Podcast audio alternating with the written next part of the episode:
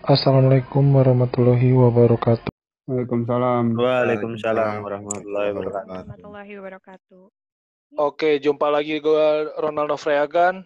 Gue di episode ini akan bahas tentang evaluasi kuliah daring nih. Nah, apa aja sih yang kalian lakukan nih selama COVID-19 ini nih, selama pandemi ini? Terus apa aja sih keluhannya? Dan gue di sini nggak sendirian. Ada beberapa dari jurusan Fakultas Ekonomi yang gue undang nih. Yang pertama dulu dari Ekonomi Pembangunan, silakan.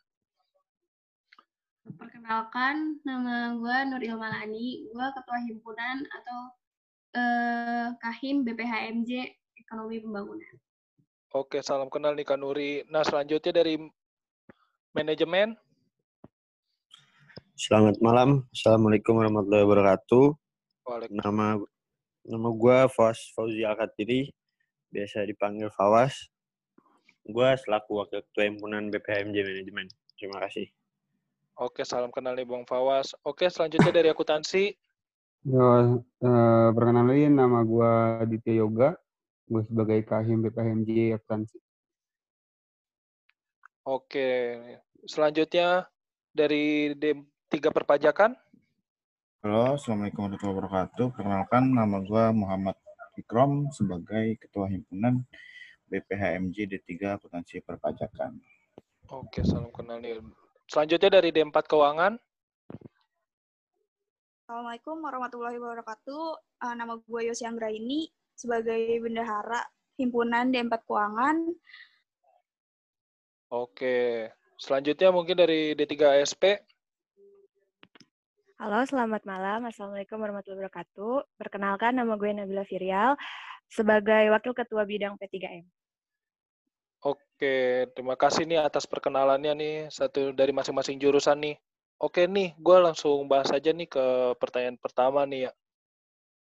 Eh, menurut kalian nih ya, kuliah online itu sih udah maksimal belum sih eh dilakukan dari Universitas Trisakti? Mungkin dari Bang Fawas nih gimana tanggapannya, jawabannya? Oke. Selamat malam. Mungkin kalau menurut saya ya, kalau dibilang sudah maksimal atau belum, bisa dibilang belum ya. ya karena kaget. Kampus kita nih bisa dibilang kaget menghadapi situasi seperti ini, yang di mana sebelumnya belum ada yang namanya e-learning maupun kuliah daring ini. Jadi kalau menurut saya, berdasarkan pelaksanaannya saja, pihak kampus kita nih sudah ada lah kemauan untuk menyediakan pembelajaran ini melalui daring.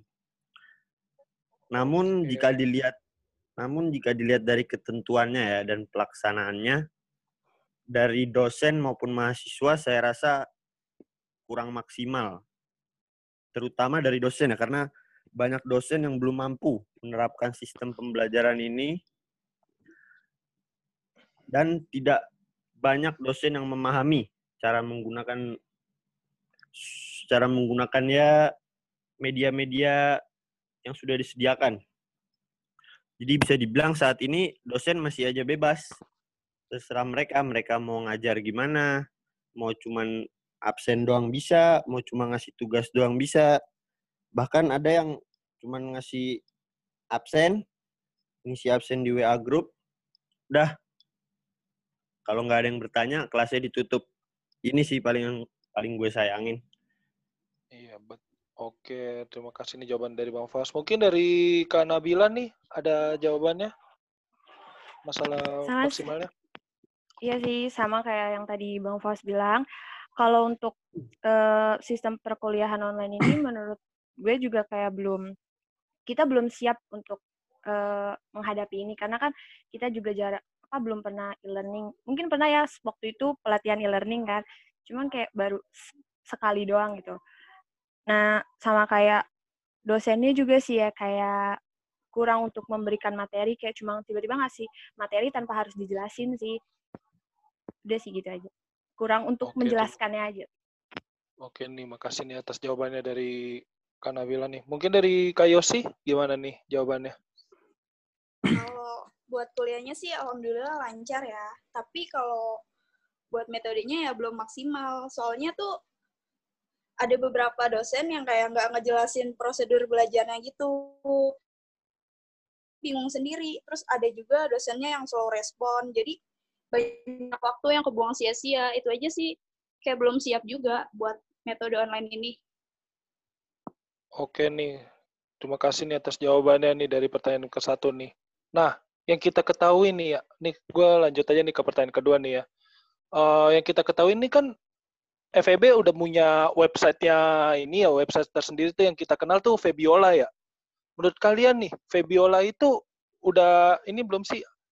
Udah efektif belum sih uh, kita gunakan nih? Mungkin dari Bang Ikrom nih gimana nih tanggapannya? Assalamualaikum warahmatullahi wabarakatuh. Waalaikumsalam. Kalau untuk Fabiola sendiri, uh, jujur di di tiga itu masih belum maksimal uh, penggunaannya. Uh, ada yang masih pakai WA group, ada yang masih pakai uh, apa namanya Zoom dan lain sebagainya. Cuma mungkin yang buat tidak maksimal adalah kurangnya sosialisasi pihak fakultas terhadap dosen-dosen terhadap uh, manfaat dari Febiola ini sendiri. Jadi penggunaannya masih kurang maksimal dan kurang adanya sosialisasi sosialisasi kepada uh, dosen-dosen pengajar dan mahasiswa itu sendiri. Mungkin kurang lebih itu sih dari gua. Oke nih, makasih nih. Untuk dari Bang Yoga nih jawabannya gimana? Ya, masalah Febiola ya. Menurut pandangan gua, jadi di Febiola nih udah bagus sebenarnya. Namun sumber si usernya ini yang belum maksimal. Karena apa? Misalnya kalau kita menyalahkan dosen ya tidak juga karena beberapa mahasiswa juga masih belum menggunakan Febiola ini misalnya dia datang hanya sekedar absen, eh, hanya cuma ya sekedar nongol doang kayak gitu. Tapi ada juga dosen yang malah hanya naruh tugas di situ, hanya cuma naruh apa, jadi tidak ada diskusi yang baik lah di situ gitu. Jadi ya menurut gua sistemnya sudah efektif, namun usernya yang belum efektif. Oke, terima kasih nih jawabannya dari Bang Yoga nih. Oke, dari jawaban Kak Nuri nih gimana untuk masalah pertanyaan kedua? Hmm, untuk masalah Febiola ya. Untuk iya. masalah Febiola kan ketika awal-awal uh, kita dikuliahkan daring online itu sebenarnya semua kuliah online udah diarahkan untuk menggunakan Febiola, tapi yang gue lihat waktu awal-awal transisi ini, Febiola ini uh, masih belum efektif dalam penggunaannya, karena terutama dalam pemberian informasi dari pihak fakultasnya sih. Karena beberapa, uh, walaupun mahasiswa beberapa udah disimulasi untuk menggunakan Febiola, tapi belum semuanya bisa mengoperasikan Febiola itu. Begitu juga dosen, beberapa dosen juga belum terlalu mengerti cara penggunaan Febiola ini. Sehingga ketika kuliah daring online ini, uh, beberapa tidak memanfaatkan uh, memanfaatkan adanya Febiola tersebut. Itu sih. Oke nih, makasih nih atas jawaban ini. Gue selanjut aja nih ya, lanjut ke pertanyaan ketiga nih. Nih kita kan kalau kuliah online nih di rumah nih ya, stay home nih kan pasti kendala dengan waktu nih yang nggak biasanya kita di tatap muka kumpulin tugas aman gitu. Nah, ceritain dong nih kendala-kendala apa aja nih yang kalian alamin nih? Atau deadline ngumpulin tugas kah? Atau ngumpulin jawaban UTS kah yang kemarin kita lalui ya? Mungkin dari Kanuri bisa ngejawabnya? Kalau kendala selama ngumpulin deadline tugas atau ngumpulin jawaban ketika UTS itu uh, pengalaman pribadi gue ya waktu ngejalanin itu semua uh, waktu ketika UTS perpindahan dari mata kuliah satu ke ya, ke mata kuliah yang lainnya tuh ada waktu 30 menit di mana gue harus ngumpulin tugas dan 30 menitnya itu juga gue harus ngabsen di mata kuliah yang lain. Jadi itu gue benar-benar bingung karena gue harus nge apply tugas tapi gue juga harus absen akhirnya gue jadi nggak fokus gitu sih. Oh, oke nih mungkin dari jawaban bang Fawas gimana nih? Ada kendala nggak kalau kendala ya. Kendala menurut gue sih mungkin yang banyak dialami ya kendala dari sinyal ya. Apalagi kalau buat upload tugas, buat absen, karena sering nih gue ngalami kendala dari sinyal, jadi pengumpulan tugas melewati batas, absen yang ditentuin cuma 30 menit akhirnya nggak kekejar. Terutama buat daerah-daerah yang mungkin memang mengalami kesulitan sinyal nih, mengalami kesulitan sinyal nih juga perlu diperhatikan ya. Jadi paling saran dari saya sih untuk tugas, untuk pengumpulan ujian atau absen diberikan waktu tambahan lah. Kalau bisa kita lihat contoh ya memang bukan dari kampus kita sih.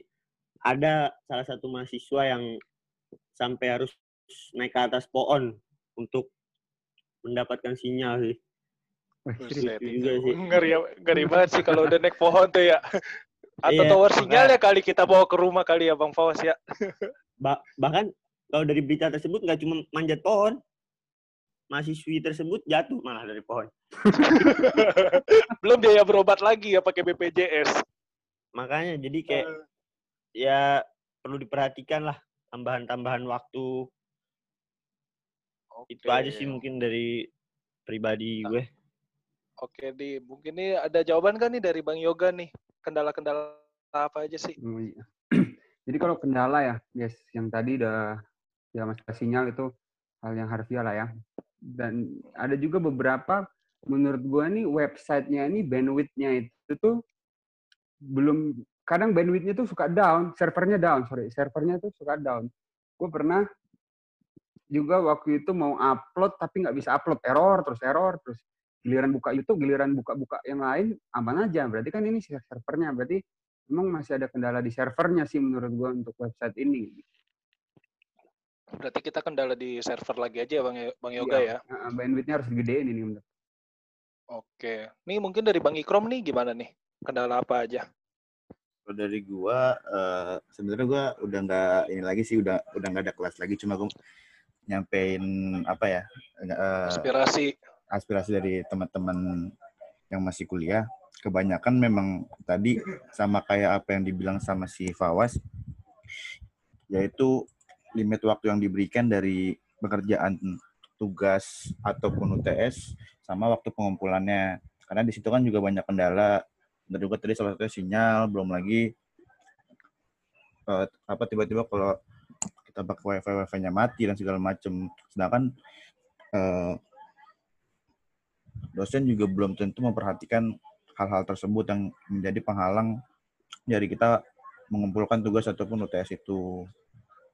Dan saran sih eh, supaya apa ya diberikan ketentuan lah, ketentuan yang lebih manusiawi, yang lebih berpihak kepada teman-teman mahasiswa dan mem- memperhatikan eh, hambatan-hambatan yang ada tersebut. Paling itu sih dari gue.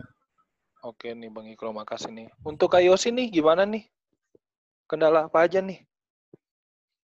sama sih kayak yang semuanya emang rata-rata tuh Hmm. gara-gara jaringan ya terus juga kadang Sinyal. aplikasi yang kita pakai maintain ya pokoknya itu aja sih sama sebenarnya tuh persiapan kuliah daring ini kayak lebih lama gitu kadang kita harus ke aplikasinya itu lebih lama jadi kadang tiba-tiba yang deadline-nya satu jam gitu nggak kekejar kayak gitu aja sih Berarti iya, sinyal lagi ya. Nih mungkin dari jawaban dari Kak Nabila gimana?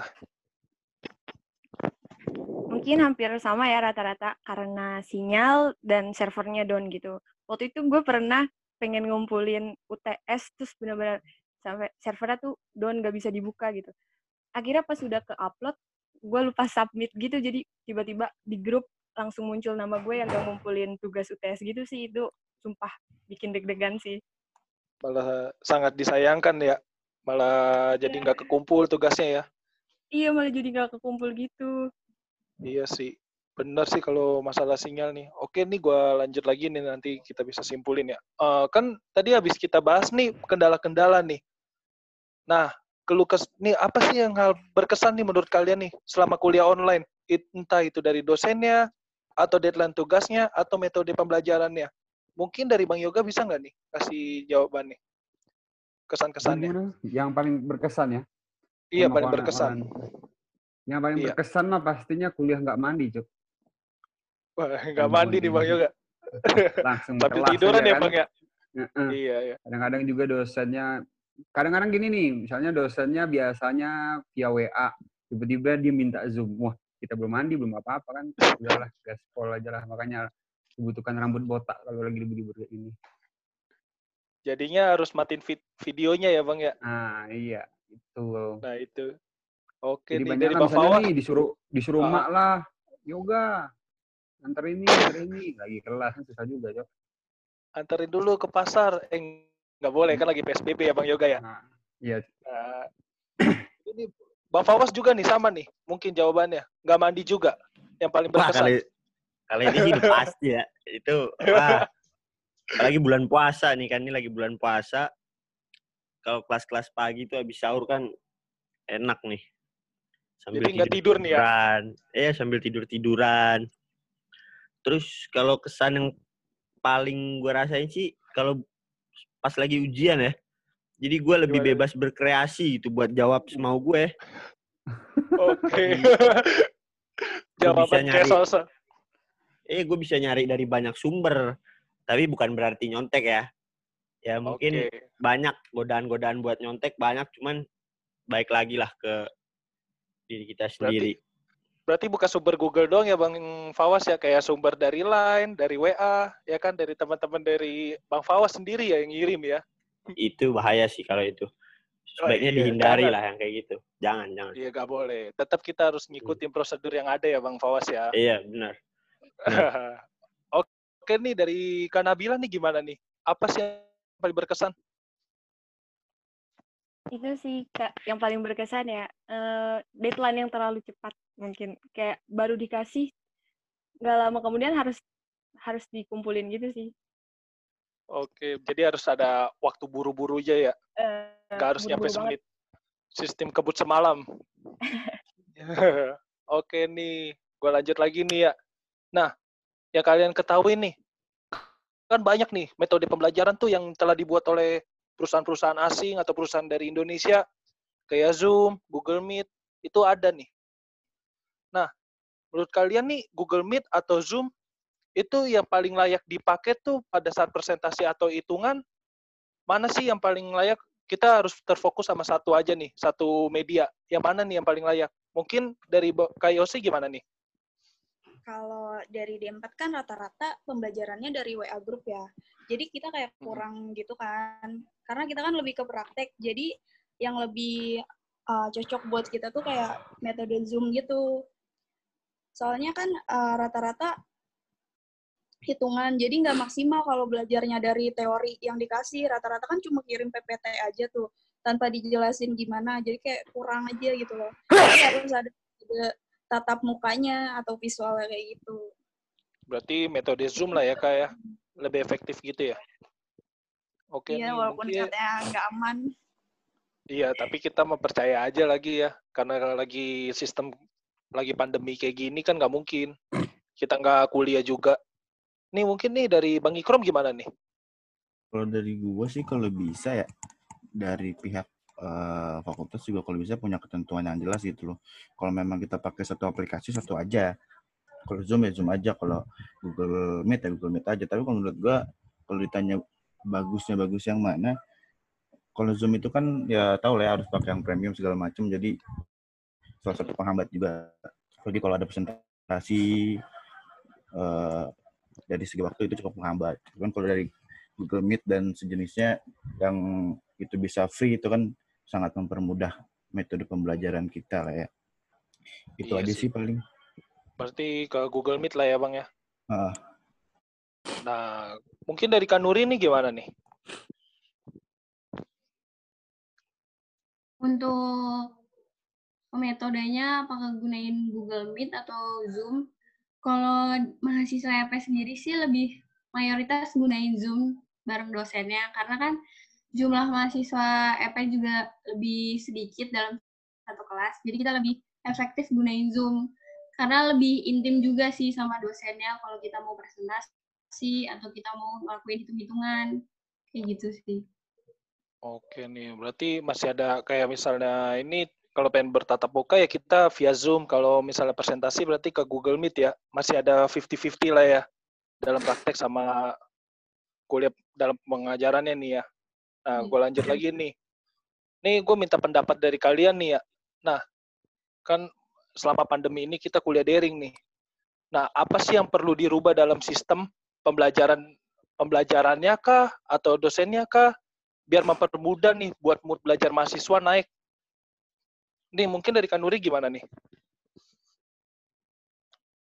Kalau eh, saran gue sih sistem pembelajarannya sih yang dirubah.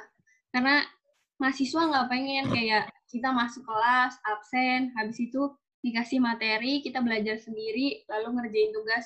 Itu kan cara belajar yang nggak asik banget. Kita pengennya tuh dosen ada berpartisipasi untuk ngejelasin materi ke kita, terus uh, dalam penyerahan tugas juga tidak terlalu di, di terlalu ketat lah. Satu jam setelah mata kuliah selesai tugas harus sudah selesai. Uh, jangan seperti itu. Buat suasana uh, pembelajaran ini jadi lebih menarik di tengah-tengah uh, pandemi covid inilah. Oke ini mau jawaban dari Kanuri nih. Oke nih dari Bang Fawas nih jawabannya gimana nih? Tanggapannya apa? Ya kalau buat ini sih menurut gua yang perlu dibuat sih pertama ketentuan lah, ketentuan yang benar-benar mengatur metode pembelajaran dan pengajaran selama daring ini. Jadi kayak dosen sama mahasiswanya ini sama-sama tahu lah kalau selama kuliah online ini ada ada aturannya, ada ketentuannya, ada dasarnya. Jadi nggak semena-mena gitu mahasiswa masuk cuman absen terus tidur lagi atau nyalain Zoom tapi sambil tidur. Paling itu sih perlu dipertegas lagi ketentuannya yang ya bisa bisa mempertegas lagi lah supaya nggak disalahgunain sama mahasiswa maupun sama dosennya juga sih. Iya nih, berarti contoh kecilnya tuh kayak Bang Fawas nih yang nyalain Zoom tapi malah tidur ya. Kalau saya sih dari Bang Fawas ya? Oh, abang Enggak nih sih kalau saya. salah satu yang rajin ya kalau untuk kuliah daring ya. Iya. Bahkan Oke saya yang biasa bikinin ruangan Zoom-nya buat dosen. Anjay. Oh. Ajay, aktif berarti di Bang Fawas nih. Nih, Bang Yoga nih gimana nih? Bang Yoga nih gimana nih tanggapannya? Oh, bener. Yang, yang pertama memang aturan rules harus ada yang pasti kayak jangan seenaknya aja lah hari ini WA besok ya besok apa ya kan rules pastinya yang pertama terus yang kedua kalau gue dapat cerita dari teman-teman gue yang yang kuliahnya di luar negeri ketika mereka di masa kayak gini mereka dapat satu handbook kayak gitu tuh handbook atau video tentang ya materi belajar mereka Nah, tapi nanti satu ketika ada satu pertemuan lagi yang melibatkan mahasiswa dan dosen. Ini sangat efektif. Kenapa? Misalnya gini, ketika kalau kita belajar tapi nggak tahu apa itu, susah kan buat nanya. Tapi kalau kita dengan handbook itu atau dengan cara pembekalan dari awal kayak materi di, di awal sangat efektif. Kenapa? Ketika ada pertemuan lagi nanti itu sangat gampang tinggal nanya-nanya-nanya aja tuh. Dan mahasiswa pasti aktif kalau kayak gitu. Namun kan sayang namun sayangnya kayak gini nih. Di kondisi sekarang ya dosennya minta masih tetap minta minta apa? Minta presentasi lah, minta apalah. Sedangkan juga ya kita tahu aja kayak gua aja sendiri sekarang yang nasibnya perantau buku gue semua di Jakarta. Ya gimana gue cari materi kalau disuruh presentasi ya kan? Beli lagi, Tuh. duit lagi Oke. ya kan? Benar-benar. Bener berarti Iya sih sangat disayangkan juga sih emang. Kita nggak bisa nyalain pandeminya tapi sistem pembelajarannya sih Bang Yoga ya. Iya. Harus di ini lagi harus diperhatikan lagi ya. Ini mungkin nih ada jawaban nih dari Bang Ikrom nih. Gimana nih Bang Ikrom?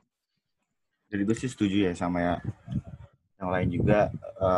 yang pertama harus ada standar yang jelas, terus juga yang kedua pihak universitas, eh pihak pihak fakultas juga harus tegas nih sama dosen-dosen yang dia eh, apa ya kadang eh, masuk cuma ngasih tugas, terus kadang cuma ngabsen itu juga kalau bisa harus dikasih apa ya konsekuensi lah kan kita juga butuh eh, pembelajaran, butuh materi gitu kan.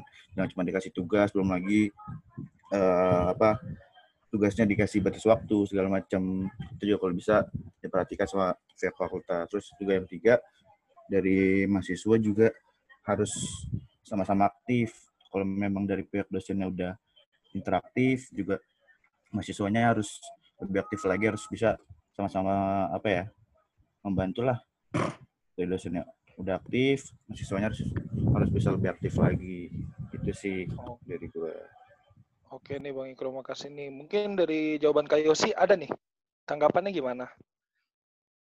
tanggapannya sih yang pertama tuh dari ada beberapa dosen yang emang kurang interaktif jadi eh, diskusi di grup itu nggak berjalan lancar kadang yang cuma ngirim materi aja tanpa ngejelasin terus seharusnya tuh di awal perkuliahan dosen itu ngejelasin metode pembelajarannya kayak gimana supaya mahasiswanya itu punya gambaran apa yang mau dilakuin gitu terus bisa ngendaliin chat di grup gitu loh supaya lebih kondusif karena biasanya sering ketumpuk gitu yang mana materi sama pendapat-pendapat mahasiswa jadi kayak bingung aja ngebedainnya gimana kayak gitu sih Oke nih, makasih nih Kak Yosi nih. Oke dari Kak Nabila?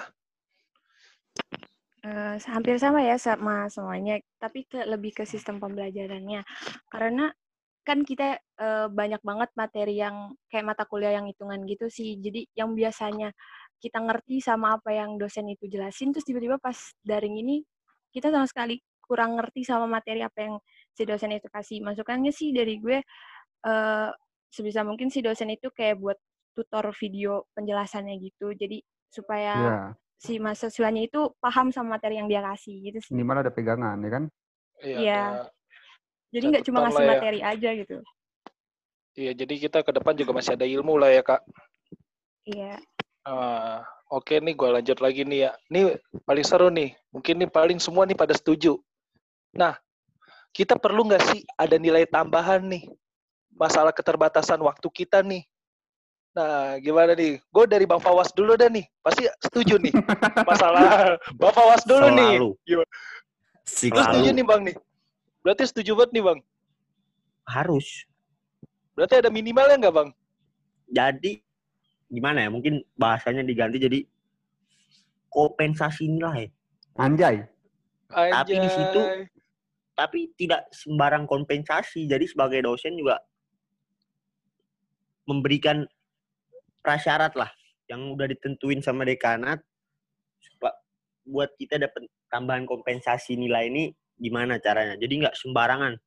Karena banyak kalau dikasih sembarangan gini mahasiswa ya udah seenak jidat aja, slow aja. Ntar juga Ah, ntar juga gue dapet tambahan nilai aman aja juga. Jadi ya itu sih. jadi Baik lagi nilai semua semua Iya, itu tergantung dari kitanya lagi ya Bang ya? ya sama pokoknya balik lagi semua harus ada ketentuannya sih yang paling penting. Nah, nah ini kebetulan pasti Bang Fawas lagi dapat dosennya yang killer-killer nih. Biar dapat semangat nih nilai tambahan. Iya harus itu. Oke nih, harus ya. Nih Bang Yoga nih gimana nih kalau nilai tambahan? Jujur ya kalau nilai tambahan menurut ini persepsi gua nggak harus sih. Kenapa? Kita belajar udah gampang. Ujian, sorry. Ujian udah gampang. Bisa buka lah, bisa berkreasi. Terus mau minta nilai tambah lagi. Di luar keterbatasan kita itu masih bisa diatasi bukan dengan cara kenaikan nilai. Tapi dengan cara pelonggaran misalnya pembatasan waktu dilebihkan. Terus juga pengiriman tugas bagaimana kayak gitu loh. Rules yang kayak gitu sebenarnya yang harus dilakuin, bukan dengan menambahkan nilai. Kalau menambahkan nilai ya Allah, namanya orang Indonesia, Bro, ini Iya ya. udah makin Orang ma- kalau udah jadi gini loh, dikasih ha- hati minta jantung pasti istilahnya, ya kan? iya. Ibarat kata misalnya gue nih dosen nih Bang ya. Gue kasih nilai Mm-mm. lu B. Eh taunya lu malah males-malesan di rumah. Nah, Jadinya saya kan ngehe. jidat juga ya. Nah, itu yang harus bisa diantisipasi sebenarnya. Namun kalau mahasiswa kita khususnya MMFEB bisa menjaga kepercayaan itu ya Allah, luar biasa sebenarnya kayak gitu. Ya kita contohin aja lah dulu kalau mau pakai sistem kayak gini kita contohin dulu pas kita pakai pakai apa? Sistem belajar daring ini kita aktif, kita ikut, nggak malas-malesan. Ya pasti juga bakal ada keringanan lah pasti, nggak mungkin nggak kok tanpa juga diwajibkan atau gimana juga pasti dosen ngasih sebenarnya. Iya ya, keaktifan lagi ya Bang yang harus ditonjolkan ya Iya, dari mahasiswa-mahasiswa ya. Oke Iya. nih dari Bang Ik. Nah, nih dari Kak Yosi gimana nih untuk masalah tambahan nilai? Kalau buat itu sih kayak 50-50 gitu ya. Karena ya di sini juga semuanya kan nggak semua mahasiswa kondisinya sama ya. Jadi Mm-mm. perlu adanya kelonggaran sama kayak kompensasi juga. Tapi dari mahasiswanya sendiri juga benar kata yang lain harus sadar harus gimana ya inisiatifnya juga ada kalau misalnya emang mau ditambahin nilainya gitu. Lagian nggak mungkin juga kan kita udah pakai fasilitas sendiri terus dari dosennya juga nggak ada kelonggaran apa-apa gitu. Terus juga kalau emang yang ada nggak ada keterbatasannya kayak bilang aja gitu ke dosennya. Kayak lebih terbuka Oke. aja sih jadi mahasiswa. Iya, kadang dosennya tuh ini, Cok, apa? Takut gitu loh. Kayak takut dihianati ya, anjay. Iya ya. Kasihan dosennya. gitu loh. Jadi Ini curhat. jadi jadi curhat ini kalau masalah nilai ya. Ya, Ah. nilai itu emang paling sensitif nih buat kita mahasiswa nih. Karena Bener, Cok. pekerjaan tuh dari nilai yang paling penting. Dari bukan soft skill juga- lagi. Kita juga mikir ini nanti remet gimana? Iya ya. Nanti situasi remet tuh kayak mana sih? Itu sih gue sempet nanya ke kajur gue juga masih belum tahu ada atau enggak katanya. Oke, nanti itu masih pembahasan nanti ya Bang Yoga ya. Oke nih Iya. dari Kak Nabila nih gimana nih tanggapannya nih untuk tambahan nilai? Untuk tambahan nilai ya kayak masih gimana ya? Bener juga tadi yang kayak Bang Yoga bilang, karena kan kita udah enak banget di rumah gitu. Kayak ujian bisa ya meskipun nggak boleh lihat gitu, tapi udah enak banget sih sistem kayak ini. Tapi ya tetap harus ada eh apa ya? Kayak kompensasi buat kita juga sih. Terima kasih kepada dosennya nih harus kita tunjukin ya kan. Iya. Eh, betul juga sih. Bener nih. Kayak Oke Ronald kan dari Ba- mahasiswa baik Ronald nih. Aduh, emang baik banget. Saya tidak mementingkan nilai, tapi saya mementingkan soft skill sih Bang Yoga. Lebih saya tinggiin lagi nih akademik. Oke nih dari Bang Ikrom nih gimana nih? Jadi gue ya penambahan nilai sebenarnya eh, cukup berisiko sih kalau memang diterapin. Kenapa? Karena sekarang kan bener tadi kata Yoga emang udah udah, udah segalanya udah dipermudah, kerjanya juga dipermudah, ya kan kita bisa open internet segala macem. Mungkin dibuat eh, standarisasinya kali ya. Kalau memang mau ada penambahan nilai harus ada eh, syarat-syaratnya harus ada ketentuan yang jelas daripada nanti berisiko malah mahasiswanya malah menggampangkan itu kan akan Malah disalahgunakan. betul malah nanti ilmu yang seharusnya disampaikan dari dosen-dosen malah nggak Ter- eh, terbuang sampai ke sia-sia lah ya. betul betul itu sih Oke nih Bang Ikrom. Nih Kak Nuri gimana nih untuk tanggapan nilai tambahan? Untuk nilai tambahan bener udah yang seperti dibilang sama teman-teman lainnya. Untuk nilai tambah ini kalau orang Indonesia dikasih nilai tambah kayaknya malah enakan. Malah nggak ada effort untuk mengejar ilmu tersebut. Jadi lebih setuju sih kalau eh, diberikan pelonggaran ketika melakukan ujian atau pengumpulan tugas. Waktu untuk pengumpulannya itu diperpanjang kan dengan adanya daring ini kita udah diberi kemudahan untuk melihat akses, mencari dengan adanya Google. Seperti itu sih. Oke, jadi nggak usah digampangin lagi ya. Sebenarnya ini untuk masalah nilai tambahan nih ya. Itu tergantung dosennya lagi nih. Benar. Oke nih, kita di sesi pertanyaan terakhir nih buat kalian nih. Mungkin bisa pengungkapannya atau tanggapannya bisa diungkapkan lah dari hati-hati masing-masing nih. Nih coba kalian bandingin nih kelebihan dan kekurangan selama kuliah online dan kuliah offline. Offline tuh kita tatap muka ya. Mungkin dari Kanuri bisa nih kasih tanggapannya. Kelebihan kekurangannya. Kelebihan dan kekurangannya kalau kuliah offline tentu aja udah mulai kangen nih ngeliat muka-muka dosen sama teman-teman. Eh, kangen sama saya juga nih berarti Kanuri ya. Jadi udah mulai kangen ngeliat teman-teman di kampus. Kuliah offline itu lebih dapet lah materi-materinya karena kita kerasa belajar barengnya, eh, tatap muka langsung sama dosen. Kalau kuliah online kan kita kayak lebih belajar mandiri lah. Kita belajar sendiri, nyari materi sendiri, seperti itu sih. Oke nih, makasih nih untuk Kanuri. Mungkin dari Bang Fawas nih, apa nih kelebihan kekurangannya? Iya, kelebihan dan kekurangannya. Apa Ya lagi-lagi semua pasti ada kelebihan dan kekurangannya. Anjay. ya Anjay. sama-sama lah ada ada plus minusnya. Cuman ya sebenarnya kita sebagai mahasiswa yang harus kita lakuin ya tetap fokus belajar. Toh dua-duanya juga media belajar, cuma kan beda cara penerapannya aja. Ya paling yang harus kita tuntut ya apa yang harusnya kita dapetin kayak penjelasan materi, penguasaan materi, pemahaman materi. Paling ya lagi-lagi yang paling penting buat pihak kampus buat ini sih nge-upgrade media pembelajaran online ini. Jadi kayak nggak beda-beda gitu. Tapi kalau buat kelebihan kekurangannya paling kelebihan online ya kita nggak ke kampus. Kalau kekurangan offline ya kita harus ke kampus. Mm-mm. Ya basic lah itu kalau kelebihan kekurangan. Mungkin itu aja Benar sih. ya. Tanggapannya oke nih Bang Fawas nih. Coba nih Bang Yoga gimana nih? Untuk masalah Nah. kelebihan kekurangan. Dia Kekurangan dan mungkin takutnya nggak kangen dia sama ceweknya Bang Fawas. Oh, Nggak ketemu nih pas Pastilah. offline. Pastilah ya kalau Pasti. kangen sama cewek ya. Kalau kalau kangen semua pasti kangen. Gua Kangen sama yoga, cewek. kangen Eh. Asep. Om, Kangen Gimana Mamat gak lu, Cok? kangen Mamat, kangen kangen bully dia. Wih. Buset, bully Sulit, dia nih. Mungkin untuk bully dia kalau dengar nih kita kangen semua nih. Eh. Anjay. Nah, gimana nih Bang Yoga? Kelebihan kekurangannya apa? Oke, kekurangan dan kelebihan kelebihannya pastinya yang gue rasain banget, gue lebih konsentrasi kalau belajar online. Tapi dengan catatan kalau moodnya lagi enak, tapi kalau lagi moodnya gak enak, susah juga, Lagi ya berantem, kan? lagi berantem gitu kan sama cewek. Guys. Males juga pasti belajar ya. Hmm. Nah, Jadi kemampuan mengeksplornya tuh lebih enak sih menurut gue sebenarnya. Fokus tidak terbagi. Misalnya nih kalau di kelas belum ada si siapa yang ngajakin keluar ke Ponsnack ya kan? Nah, Iya. fokusnya sih lebih dan kekurangannya ya pasti sistem sih ganggu banget sih itu. Misalnya nih kita udah semangat nih misalnya udah mau bangun pagi udah semuanya. Hmm, tapi sistem error wah kesel banget sih ya kan?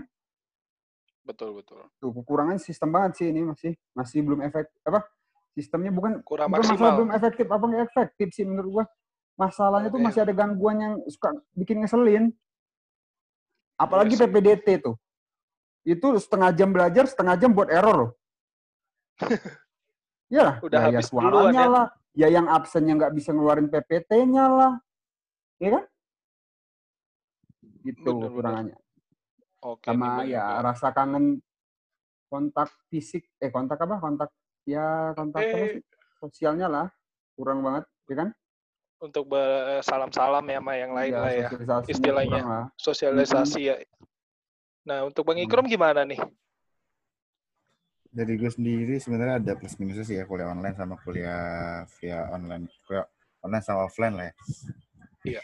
Eh, yang pertama kalau kuliah online itu kan kita bisa eh, lebih sering kumpul sama keluarga, terus juga nggak perlu datang ke kampus. Cuma kan kurangannya kita eh, nggak bisa intera- interaksi langsung sama dosen, sama teman-teman. Itu kan kalau memang orangnya interaktif kan sulit kalau menurut gua belajar online ini. Itu sih paling. Iya. Oke nih, terima kasih nih Bang Ikrom. Mungkin dari Kak Yosi ada tanggapannya? Kalau buat eh, kuliah online sih kurangnya eh, boros kuota ya. Terus metode pembelajarannya tuh kurang karena emang ya sama yang kayak dibilang tadi. Kita aplikasinya tuh kurang banget ya. Terus kalau buat kelebihannya kuliah online ya lebih nyaman aja karena di rumah. Terus fasilitas sendiri jadi lebih leluasa. Sama selama ini pas kuliah online jadi kayak lebih rajin aja gitu nulis soalnya lebih fokus. Terus kalau buat kekurangan offline ya tahu sendiri kalau emang yang rumahnya jauh jadi biayanya eh, lebih ngeluarin biaya yang lebih banyak terus juga waktu pemakan di perjalanan kalau buat kelebihannya ya lebih enak dengerin materi secara langsung jadi kayak lebih ngerti gitu kalau kuliah online kan cuma baca-baca materi gitu aja kayak kurang gitu loh Betul. Sepakat sih kalau salah kuliah ini ya online nih ya. Ini mungkin dari tanggapan terakhir dari Kak Nabila gimana? kelebihan offline kelebihan offline ya kuliah tuh bisa materinya lebih paham, ngerti, terus bisa ketemu teman-teman. Nah kalau online-nya itu lebih fokus belajar sih. Nah kekurangan offline tuh belajarnya juga harus sendiri, harus benar-benar eh, memahami materi yang dikasih sama dosen, terus jaringan sama deadline yang terlalu cepat. Yang terakhir tuh kekurangan online, gue nggak dapet duit jajan itu sih. Waduh, duit jajan lagi nih ya. Atur biasa ngup- kalau kita ngeliat-lihat updatean ya kan ngumpulin uang jajan buat ngasih kado ya ke teman-temannya ya. Tapi ini malah nggak dapet uang jajan nih kayak. Mungkin Iya, Bang bener. Fawas nih, biasanya nih Bang Fawas paling semangat nih kalau dapet uang jajan kan nih, Bang Fawas. Apalagi, aduh, udahlah uang jajan. Ini kesian juga nih masalahnya nih. Kalau ngomongin Iya, iya. uang nih, Eh, ini lagi masa lagi pandemi kayak gini, sangat sensitif kalau bahas uang. Ya ini sentilan juga nih buat para hmm, sentil-sentil dikit buat pihak Gimana dekanat nih. tuh? Setuju Gimana, di- Ini, ini masalah baik lagi sih, hmm, sentil dikit BPP. hmm. iya sentil. Hmm. Bu, Pak, Oke. mohon Pak BPP, orang tua saya kerja susah nih, ya Allah.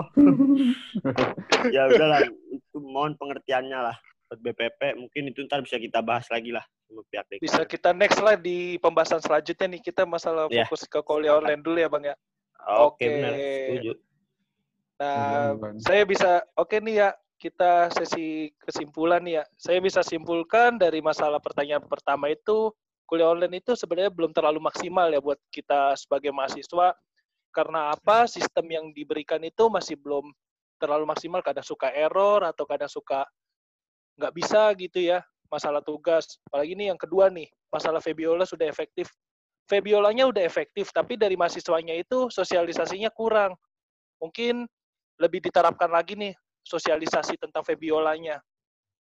Yang ketiga itu kendala-kendala masalah kumpulan di, kumpulin di deadline nih. Mungkin dari pihak dosen yang mendengar nih atau pihak dekanat bisa memberikan kompensasi waktu yang lebih. Uh, kita kan nggak bisa ngelihat anak-anak yang bisa ngumpulin cepat nih. Kita ngelihat anak-anak yang perantauan yang daerahnya jauh dari sinyal itu lebih harus diperhatikan lagi nih ya. Jadi bisalah dibantu. Ah, yang masalah yang tadi Bang Fawas bilang nih manjat pohon sampai jatuh lagi. Itu kan jadi ya terlalu bersemangat untuk kuliah tapi malah nggak nggak efektif dilihat dosennya. Jadi harus kita lihat lagi. Nah, yang keempat nih. Apa kesan-kesannya nih? Nah, itu mungkin kesan-kesan kan dari hatinya masing-masing yang hati-hati kecil tadi dari mahasiswa. Mungkin ada beberapa lagi yang hati-hati kesannya masalah kuliah online ini kurang enak atau apa. Nah, untuk metode pembelajaran sih sebenarnya nggak masalah ya. Nggak harus pakai Google Meet atau Zoom. Kita nggak harus terpatok sama satu. Yang penting itu keefektifan dari dosen dan harus benar-benar dari dosen itu matengin satu sistem satu sistem aja yang efektif. Nah, mungkin dari ini untuk penambahan nilai ya. Kalau penambahan nilai itu dari kita nih mahasiswa nggak harus ditambahin nilai, tapi dikasih kompensasi lah. Mana yang layak diberikan nilai tambahan dan mana yang nggak layak diberikan nilai tambahan. Sepakat ya teman-teman ya Sepaket. dari yang lain ya. Sepaket. Sepakat. Baik, Pak. Oke. Oke, kekurangan nih yang kekurangan kuliah offline nih. Ya kita nggak bisa temu kangen ya kita berdoalah sama-sama berdoa semoga di pandemi COVID-19 ini bisa berakhir lah biar kita bisa temu kangen lagi satu sama lain biar tukar kita tuh tukar berpikiran tuh bukan dari akademik aja tapi kita dari sosialisasi itu udah tukar berpikiran juga nambah wawasan juga itu salah satu metode pembelajaran yang sangat efektif menurut saya nah oke Biar saya terima kasih ini buat teman-teman dari Kanuri, dari Ekonomi Pembangunan, dari Bang Fawas, dari manajemen, Bang Yoga dari akuntansi, Bang Ikrom dari Iya. D3 Perpajakan, Kak Yosi dari D4 Keuangan, dan dari D3 SP itu Kak Nabila.